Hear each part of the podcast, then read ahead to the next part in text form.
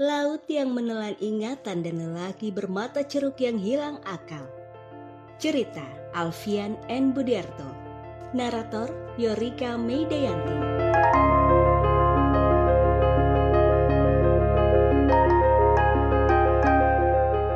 Sejak empat pekan lalu, Ramli tiba-tiba menjelma lelaki yang seolah kehilangan kewarasan. Pasalnya, sang istri dan putrinya yang belum genap berusia delapan tahun mendadak hilang kabar. Selama itu pula, saban petang, lelaki paruh baya tersebut kerap menyambangi laut, menabur kuntung bunga-bunga di dermaga, lalu lamat menatap takzim ke arah hampar luas segara Apalagi ketika festival Teluk Jailolo Halmahera Barat baru saja dibuka. Meski tak ada yang sudi mengajaknya menumpang perahu untuk menziarahi Pulau Babua, dari tepi dermaga, Ramli akan melarung sendiri kembang di tangannya. Ritual si Govingolo, begitu orang-orang menyebutnya. Tradisi untuk membersihkan laut sebelum festival Teluk Jailolo diresmikan namun tidak bagi Ramli. Orang-orang sekitar akan menganggap lelaki yang berubah sinting itu sedang menjiarahi anak istrinya yang tak berpusara. Barulah setelah senja benar-benar reda, tak lagi disepu jingga, Ramli akan pulang ke rumahnya yang agak condong ke arah kanan ke sisi rimbun pohon beringin. Lantaran salah satu tiang penyangganya telah lapuk di rongrong raya pun dimakan usia. Ini adalah sore kesekian Ramli mendatangi dermaga, tepat ketika Surya menjatuhkan jingga pertamanya di kemilauan permukaan air laut. Lelaki itu berjalan lunglai ke pinggiran segara. Sepasang kakinya yang legam terseok, memantik butir debu jalanan mengudara. Rambut kusam penuh uban, kantong mata melorot, juga cambang sewarna bunga ilalang yang mulai merayapi pipi semakin mengukuhkan pikiran orang-orang bahwa Ramli benar-benar telah hilang akal. Setiba di tepi dermaga, sepasang netra lelaki itu akan ia lemparkan jauh menembus cakrawala. Ada kerinduan yang lebur di ceruk matanya yang basah. Rumila, kapan ngana pulang ke kita pepelukan nak? Papa rindu ngana. Ujar Ramli sambil menjatuhkan satu demi satu kelopak bunga ke atas laut. Mengundang ikan julung-julung datang demi sekadar memindai makanan. Setelah tunai ritual tabur bunga, untuk 2 sampai tiga jam ke depan, Ramli akan duduk di salah satu sudut dermaga. Sesekali lelaki rentak itu melempar pandang ke arah kapal-kapal yang bersandar, lalu meracau mengenai sosok Rumila putrinya. Selalu itu-itu saja yang Ramli lakukan saban senja. Mengelir laut dengan kelopak bunga warna-warni yang ia petik sepanjang perjalanan menuju dermaga. Duduk sekian lama, lalu pulang setelah petang merangkak malam. Dipelukan lelaki itu tak pernah ketinggalan potret usang Rumila dalam figura mendekam diam.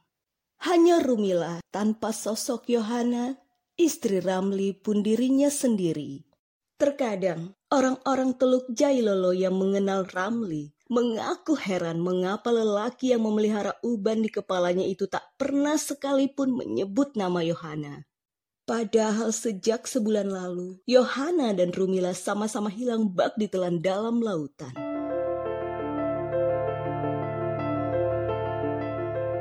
Awal kegilaan Ramli bermula, orang-orang barangkali masih menyelipkan iba di relung dada. Jua mencoba mafhum. Siapa yang tak sekarat ketika ditinggal orang-orang terdekat? Tapi itu dulu, sebelum kemudian Ramli benar-benar terlihat semakin tak waras dan kurang akal. Kini, kalau lelaki nelangsa itu sudah meracau tak jelas, jangankan untuk mendekat orang-orang hanya akan memandangnya dari kejauhan. Sesekali mereka akan mengunjingkan cerita yang lahir turun-temurun dari mulut ke mulut tentang hikayat Ramli yang dideran Stapa. Sebagian orang menganggap penyebab hilangnya anak istri Ramli adalah lantaran mereka mati ditelan badai pada karamnya kapal penyeberangan Jailolo Ternate sebulan lalu. Sebab di minggu pagi kala itu, Ramli mendadak terlihat hilir mudik menyusuri setiap sisi dermaga, meneriakan nama putrinya berkali-kali. Menjadi yang paling berduka di antara keluarga korban lainnya. Persis orang tak waras. Memancing rasa iba orang-orang yang menatapnya. Namun demikian, tak sedikit yang meyakini kalau itu hanyalah sebuah alibi Ramli Sebagian orang yang lain menganggap lelaki tua itu telah tega menumbalkan anak istrinya demi pesugihan, membunuhnya diam-diam, lalu mengubur jenazah keduanya di suatu tempat sunyi di belahan belantara hutan, yang lantas menjadi penyebab lahirnya kegilaan Ramli.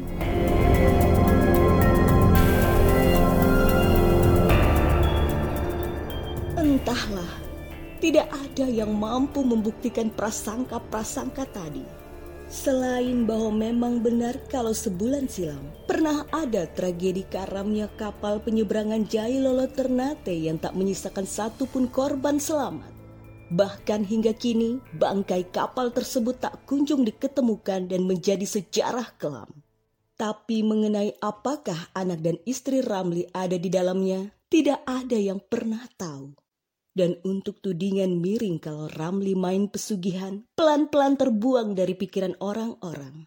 Nyatanya, meski berpekan-pekan telah berlalu, kemelaratan lelaki tadi tak banyak berubah. Selain rumahnya yang nyaris ambruk, kian condong ke kanan ke arah rimbun pohon beringin. Dulu, Sebelum Ramli dianggap kehilangan kewarasan, ia dikenal sebagai lelaki yang santun dan pekerja keras. Di usia yang tak lagi muda, Ramli tidak sungkan bekerja sebagai kuli panggul ikan hasil tangkapan para nelayan untuk diangkut ke para pengepul ataupun tahu ke pelelangan. Bagi Ramli saat itu, apa pun akan ia lakukan untuk memenuhi kebutuhan hidup keluarga apalagi setelah Rumila lahir di usia Yohana yang hampir menginjak kepala empat. Ramli semakin semangat bekerja. Bukan hal mudah bagi keduanya untuk mendapatkan keturunan. Perlu belasan tahun di dekap masa-masa berat penantian. Maka untuk demi membeli susu dan biaya sekolah Rumila yang telah menginjak bangku sekolah, Ramli rela kerja serabutan apa saja selain pekerjaan utamanya sebagai kuli panggul. Tak jarang, lelaki itu akan merangkap sebagai tukang beca kala angin timur tengah berembus kencang dan kapal-kapal tak ada yang berani melepas jangkar. Bahkan, sesekali Ramli tak segan bekerja paruh waktu di pusat pengasapan ikan fufu milik salah seorang toke besar asal Ternate. Tapi, semuanya telah berubah sekarang. Ramli bukan lagi seperti yang dulu. Meski kini namanya justru lebih termasyur dan dikenal sampai ke mana-mana sebagai lelaki tak waras yang ditinggal mati anak istrinya. Miris memang. Namun apa boleh buat memang demikian adanya. Setiap kali ada yang mencoba peruntungan bertanya mengenai masa lalu Ramli, lelaki itu akan memilih bungkam. Tak sepatah kata pun yang keluar dari bibirnya selain racauan mengenai Rumila putrinya. Selain kewarasan yang lenyap seperti halnya kapal penyeberangan yang hilang di telan gelombang laut, orang-orang pun berasumsi bahwa ingatan Ramli juga pelan-pelan ikut tenggelam. Terbukti ketika orang-orang menanyakan keberadaan Yohana istrinya, ia akan termenung beberapa saat seolah baru pertama mendengar nama itu lalu berteriak seperti orang gila yang mengamuk. Berbeda halnya jika yang disebut adalah nama Rumila, Ramli akan langsung tergugu dan terisak pilu. Barangkali kotak penyimpanan memori di dalam otak Ramli telah benar-benar remuk dimakan pasang surut lautan dan menjadi nutrisi bagi uban-uban yang semakin tumbuh subur memenuhi kepala.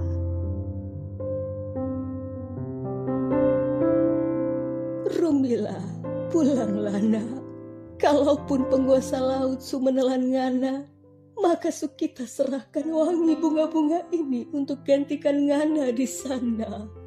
Ujar Ramli untuk kali kesekian sambil menabur bunga ke segara. Barangkali sama banyaknya dengan jumlah karang yang memecah ombak di sebelah selatan dermaga. Air mata beraroma garam di sepasang netra akan luruh melumuri ceruk mata Ramli yang cekung. Bukan tanpa sebab pula Ramli membawa potret Rumila yang dibingkai seorang diri. Sebab Potret dalam figura tadi adalah satu-satunya foto di rumah Ramli yang sederhana. Gambaran itu diambil setahun lepas pada perayaan Festival Teluk Jailolo oleh seorang tukang foto keliling. Sebenarnya, si tukang foto sudah sempat meminta Ramli dan Yohana untuk turut berdiri di sebelah Rumila, tanpa menuntut bayaran lebih. Namun, Yohana yang memang pemalu pun Ramli yang kikuk berpose di depan lensa memilih geleng kepala. Membuat Rumila hanya difoto seorang diri di usia yang belum genap delapan tahun. Menjadi satu-satunya relikui sebelum kemudian ia dan ibunya menghilang bak di telan lautan. Empat pekan bukanlah waktu yang singkat untuk seseorang menghabiskan masa penantian. Apalagi menunggu sesuatu yang menurut orang-orang telah mati di curi laut. Setidaknya begitulah yang terus terlintas di pikiran warga Teluk Jailolo pada diri Ramli. Dan barangkali kisah nestapa lelaki itu pun akan menyeberang sampai ke Ternate sana. Pasalnya, pembukaan Festival Teluk Jailolo baru saja diresmikan. Wisatawan dari Ternate dan sekitaran Halmahera pun datang bertandang. Ketika pelancong-pelancong tadi larut dalam gelaran budaya yang ditampilkan di tepian dermaga, tak jarang mata mereka terpancing pada kediaman Ramli yang berlama-lama geming sembari menatap laut ke jauh. Gila apa itu, ha? Begitu pertanyaan yang kemudian terlontar dari mulut para pengunjung dari pulau seberang tadi setelah receh yang mereka sodorkan pada Ramli tak pernah digubris. Semula dari penampilannya yang tak terawat, mereka menyangka Ramli adalah seorang peminta-minta. Itu orang memang tra lagi waras, jadi ngana tra perlu peduli. Tra pernah apa itu ganggu orang tuh? Tara, kecuali anak-anak perempuan yang kadang dipikir itu dia pe anak. Gelo kok ah. Pa itu apa anak sumati di telan laut. Jika mengingat Rumila, orang-orang masih belum percaya kalau Ramli pada akhirnya akan mempunyai keturunan. Padahal sedari dulu mereka sempat menganggap kalau Ramli dan Yohana istrinya adalah pasangan mandul. Di usia pernikahan yang menginjak belasan, keduanya tak kunjung dikaruniai seorang momongan. Segala macam obat herbal dari petua nenek moyang telah Yohana tenggak demi kesehatan rahim katanya.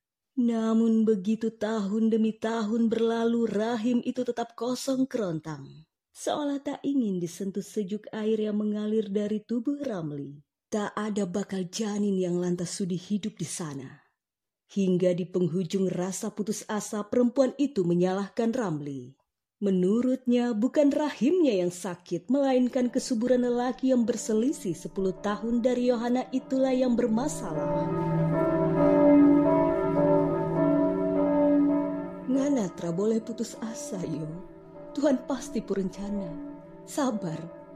Kita orang cukup usaha dan ikhtiar. Hasilnya serahkan pada Tuhan.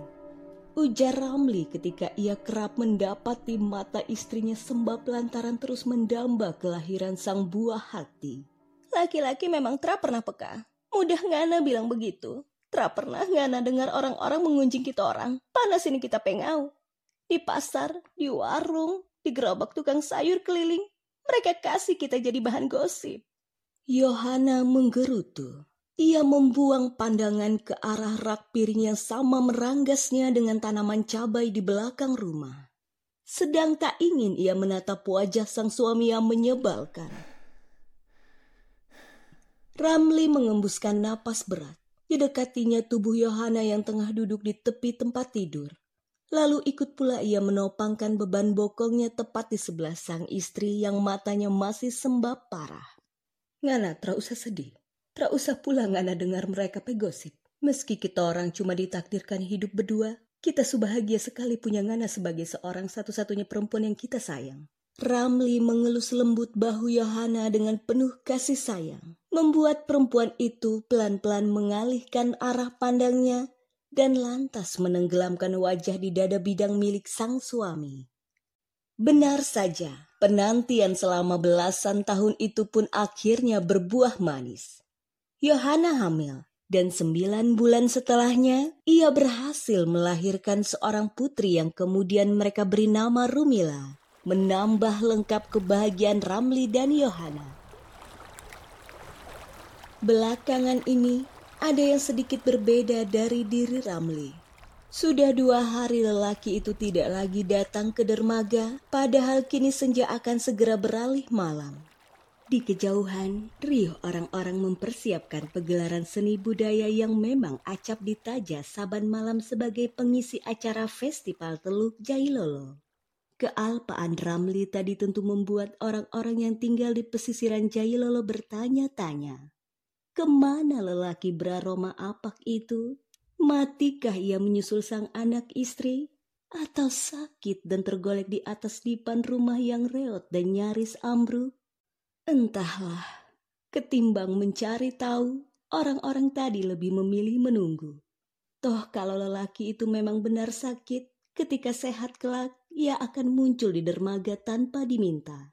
Pun jika lelaki itu telah benar-benar mati, suatu saat pasti akan ada yang berteriak menyerukan penemuan mayatnya yang telah membusuk.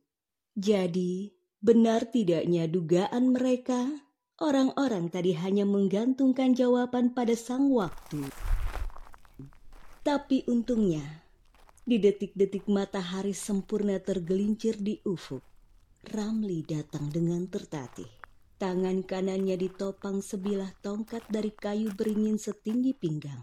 Sedang dari mulutnya irama deham berseling batuk terdengar berkali-kali. Benar sudah tebakan orang-orang belakangan ini si lelaki tak waras itu pastilah jatuh sakit. Empat pekan diserang rasa kehilangan tentu bukan perkara mudah untuk bertahan. Padahal katanya, orang gila akan jarang terserang penyakit karena kepalanya tidak pernah dipakai berpikir. Masih sambil menyeret langkah di sebuah warung makan sederhana di dekat dermaga, Ramli berhenti sejenak.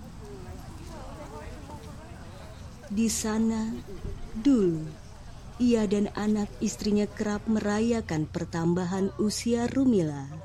Tiga porsi ayam bakar rampa dan tiga gelas air guraka dengan topping biji kenari menjadi menu rutin yang terhidang di atas meja.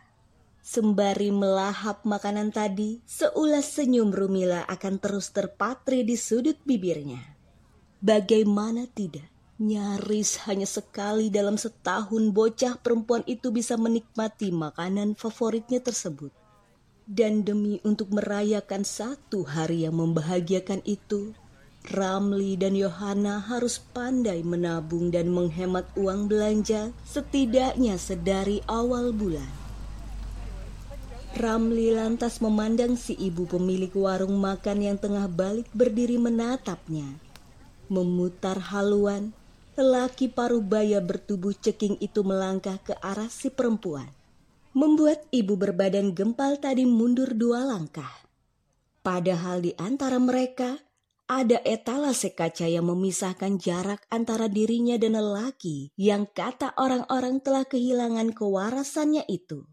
Meski agak sepakat dengan anggapan orang-orang, namun perempuan tadi tidak bisa mengabaikan kalau dulu lelaki bergelung uban di kepalanya itu pernah menjadi pelanggan di warungnya.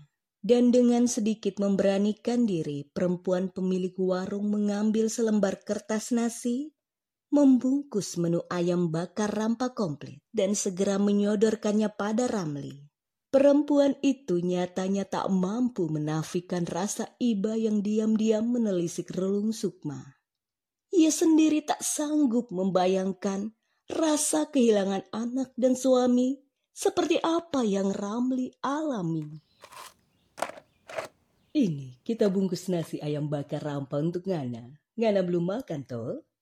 Ramli langsung menghadapkan telapak tangan kirinya yang terbuka ke arah si pemilik warung makan. Tanda penolakan. Kita bukan pengemis. Tak perlu ngana kasihan. Kita cuma mau titip pesan kalau kita mati. Tolong sampaikan kita pe salam pada Rumila, anakku. Ngana bilang saja kalau kita rindu berat. Kata Ramli tiba-tiba pada perempuan bertubuh gempal pemilik warung. Sebulir air matanya luruh, mengalir pipi, lalu jatuh menghujam permukaan tanah gersang di dekat kaki. Bukankah kalau Ngana mati, Ngana bisa kasih sampai salam tadi sendiri di surga? Tuhan pasti kabulkan Ngana pe permintaan itu. Sebab Tuhan maha baik. Kita juga pernah dengar kalau anak-anak dan orang gila akan masuk surga.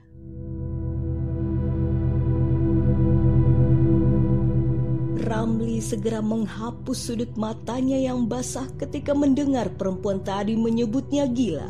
Kita tergila, hanya rindu kita pe anak. Tra ada orang gila yang mau mengaku gila Ramli. Lagi pula, di surga nanti, Ngana juga bisa jumpa Yohana. Katanya juga, orang yang mati tenggelam pun bakal masuk surga. Mendengar nama Yohana disebut, mata Ramli mendadak nanar. Amarahnya tiba-tiba meledak. Wanita jalang itu tak akan pernah masuk surga. Yohana Subawa lari Rumila. Dasar perempuan sialan, sialan! Ramli menjambak-jambak uban di kepalanya dengan sembarangan. Berkali-kali melihat kondisi yang sedemikian, mana mungkin sepemilik warung makan akan percaya kalau Ramli waras. Perempuan tadi memilih menarik langkahnya mundur menghindar, dan bersembunyi di balik etalase yang menyajikan beragam menu makanan khas Jailolo.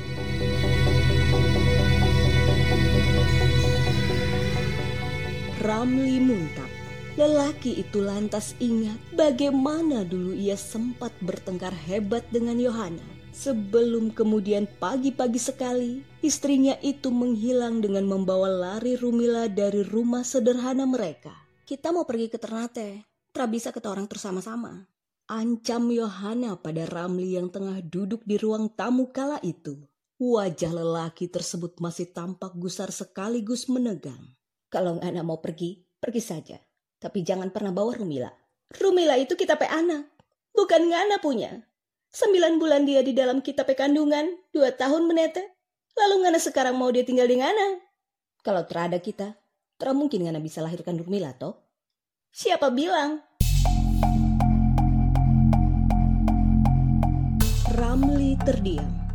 Tiba-tiba saja ia ingat desas-desus yang kerap diembuskan dari bibir para tetangga. Mengenai bocah yang sebentar lagi menginjak usia delapan tahun yang saat ini tengah meringkuk di sudut kamar.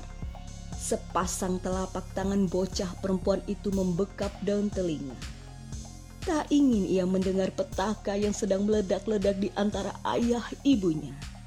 Semula, Ramli tak pernah menggubris omongan orang mengenai pertumbuhan Rumila yang semakin menunjukkan ketidakmiripan dengannya. Hidung bocah itu bangir dengan kulit kuning langsat, bahkan rambutnya lurus tergerai. Sedang Ramli dan Yohana justru dominan sebaliknya. Karena itulah orang-orang menggunjing kalau Rumila bukan anak mereka. Tapi Ramli melihat dengan mata kepalanya sendiri bagaimana Yohana mengejan kepayahan ketika melahirkan bocah itu. Proses persalinan di usia yang tak lagi muda tersebut sungguhlah beresiko. Yohana sampai mengalami pendarahan hebat dan nyaris kehilangan nyawa. Dan demi untuk berjaga-jaga, pun lantaran mereka telah mendapat buah hati yang selama ini mereka damba, keduanya sepakat memasangi Yohana alat kontrasepsi. Satu yang kemudian melintas dan terus berkelindan di kepala Ramli kini, bahwa perempuan yang ia cintai itu telah berani bermain api di belakangnya. Jika dihitung mundur dari proses persalinan, maka awal Yohana hamil adalah ketika perayaan festival Jailolo. Kebetulan sekali, selama festival yang berlangsung dalam jangka sepekan itu, Yohana diminta untuk membantu mengurus guest house milik seorang kerabat. Selain membersihkan, Yohana juga dipercaya sebagai juru masak di sana. Tiga kali sudah festival rakyat tadi berlangsung dan tiga kali pula Yohana berturut-turut bekerja di sana dengan dalih pengunjung yang membeludak. Hingga kini, di kali keempat perempuan itu diminta membantu mengurus guest house, Yohana bersikeras memaksa turun tangan. Padahal Ramli telah melarang dengan alasan putri mereka yang masih balita sedang demam dan panas tinggi. Ngana terusah dulu bantu di sana yo. Rumila sakit. Dia butuh Ngana di sini. Tara bisa. Kita orang butuh duit tabungan untuk masa depan Rumila. Toh upah di sana jauh lebih besar dari Ngana gaji sebagai kuli panggul di pelabuhan.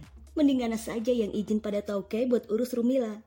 Disinggung mengenai pendapatannya yang tak seberapa, Ramli bungkam. Karena itu benar adanya. Tapi sikap Yohana yang bersikeras tentu langsung membangkitkan pikiran janggal lelaki itu mengenai gunjingan para tetangga tempo hari. Semakin membuat ia yakin kalau ada yang tak beres dengan diri Yohana. Pastilah sesuatu yang besar tengah Yohana sembunyikan darinya. Maka selepas menyuapi obat pada Rumila yang kemudian terlalap, diam-diam Ramli menguntit Yohana ke tempatnya bekerja. Benar saja, di salah satu kamar sewaan, Ramli mendapati istrinya itu tengah bergumul dengan seorang lelaki parubaya berhidung bangir, berkulit kuning langsat, dan berambut lurus cepak. Bukan tidak murka, tapi Ramli lebih takut kalau Yohana meminta cerai dan membawa Rumila pergi. Sebab selama ini lelaki itu begitu mengasihi Rumila dengan sepenuh hati. Meski kini ia telah tahu akan kebenarannya, bahwa bocah bermata indah itu bukanlah darah dagingnya. Tahun depan Ngana bakal datang lagi, seperti yang sudah-sudah, toh? Tanya Yohana pada si lelaki yang terdengar sampai ke telinga Ramli. Tentu saja sayang. Ramli seketika merasa perutnya mual dan nyaris muntah saat lelaki berperut tambun tadi merayu istrinya. Sungguh kecewa lelaki itu atas pengkhianatan yang ia terima. Dengan hati berai, Ramli melangkah gontai pulang ke rumah. Separuh nyawanya seolah tertinggal di kamar terkutuk tadi. Terlebih ketika ia menekuri wajah Rumila kecil yang tengah tertidur pulas. Semakin mengukuhkan rasa kalau ia tak mungkin mampu berpisah dengan bocah lugu itu. Jika di dunia ini manusia selalu mempunyai batas sabar, barangkali Ramli bukanlah salah satunya. Setelah kenyataan pahit yang ia temukan, lelaki itu bersikap seolah rumah tangganya baik-baik saja, hanya demi tak ingin kehilangan Rumila. Di depan Yohana, Ramli masih bisa tersenyum di atas sakitnya pengkhianatan. Sayang, di tahun-tahun berikutnya, Yohana sama sekali tak menunjukkan perubahan. Setiap kali festival Jailolo digelar, perempuan itu akan selalu menemui lelaki yang kemudian Ramli ketahui sebagai salah satu pengusaha tambak udang di Ternate. Hingga di suatu malam yang beranjak pekat, satu bulan sebelum festival Teluk Jailolo di tahun kelima pasca penemuan Ramli yang menyakitkan dulu digelar, Yohana mengutarakan hal yang mengejutkan. Ia ingin berpisah dengan Ramli dan membawa Rumila ke Ternate. Tentu saja Ramli murka. Pengorbanannya selama ini seolah sia-sia.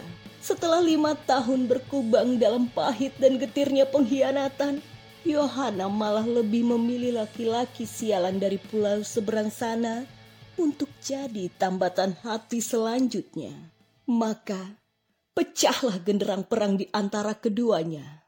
Setelah pertengkaran hebat yang membuat malam terasa semakin dingin menusuk itu, sebelum matahari terbit dari timur, Yohana dan Rumila tidak ada di kamarnya.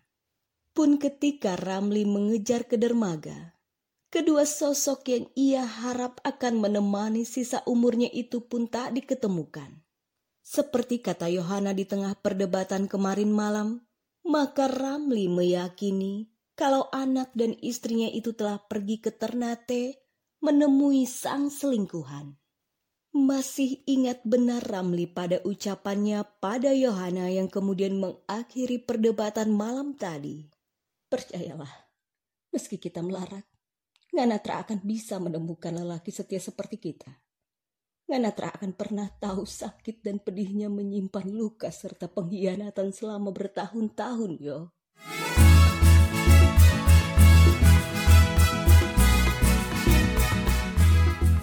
Hari ini merupakan hari terakhir Festival Teluk Jailolo. Kapal-kapal penyeberangan Ternate, Jailolo mulai merapat dan bersandar di tepian dermaga. Para penumpang berduyun-duyun turun dari atas geladak, berjalan menyusuri dermaga, lalu menemukan seorang lelaki parubaya yang tengah menabur kembang ke lautan dan seolah mengelir segara. Padahal ritual Sigofingolo hanya dilakukan di awal festival ialah Ramli, lelaki itu. Pulanglah Rumila, papa rindu Ngana. Kalau Ngana sumati di telan segara, datanglah ke kita pemimpin. Lirih benar Ramli menyuara, seolah telah putus asa. Papa! Ramli menoleh. Ingat betul ia pada suara bocah yang baru saja menyapa gendang telinganya. Bocah itu pastilah berusia delapan tahun, berhidung bangir, berkulit kuning langsat, dengan rambut lurus terurai. Sejarak lemparan batu, Ramli benar-benar menemukan sosok Rumila sedang berdiri di tepi dermaga, menatap ke arahnya. Sesaat manik mata mereka saling bersirobok sebelum kemudian Ramli terbatuk parah berkali-kali. Dadanya yang belakangan dirongrong sakit terasa kian menyesak. Hingga sadarlah lelaki itu bahwa apa yang ada di depan matanya adalah sebatas fata morgana belaka. Atau bisa jadi itu adalah jelmaan malaikat yang hendak menjemput nyawanya. Kata orang, Israel bisa menjelma apa saja. Namun Ramli segera membuang jauh-jauh pikiran tadi ketika bocah yang ia sangka tak nyata adalah benar Rumila.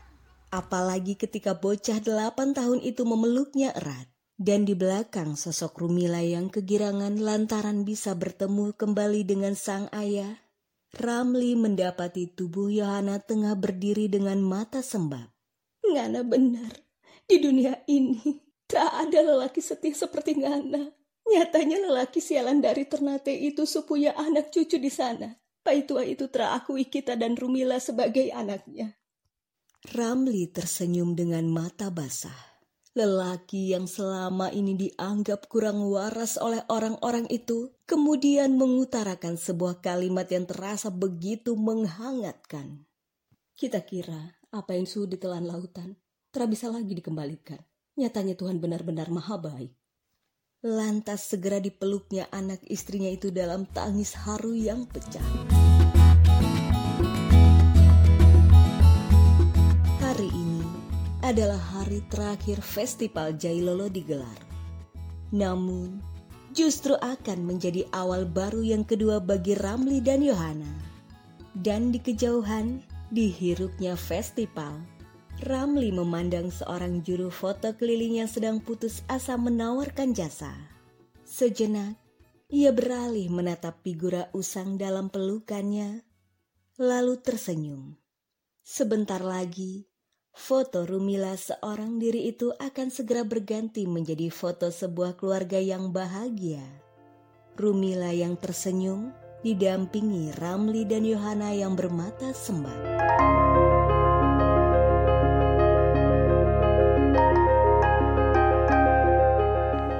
Sastra suara ini adalah kerjasama di Valitera bersama Retas Budaya dan Gramedia Writing Project yang didukung oleh Rekata.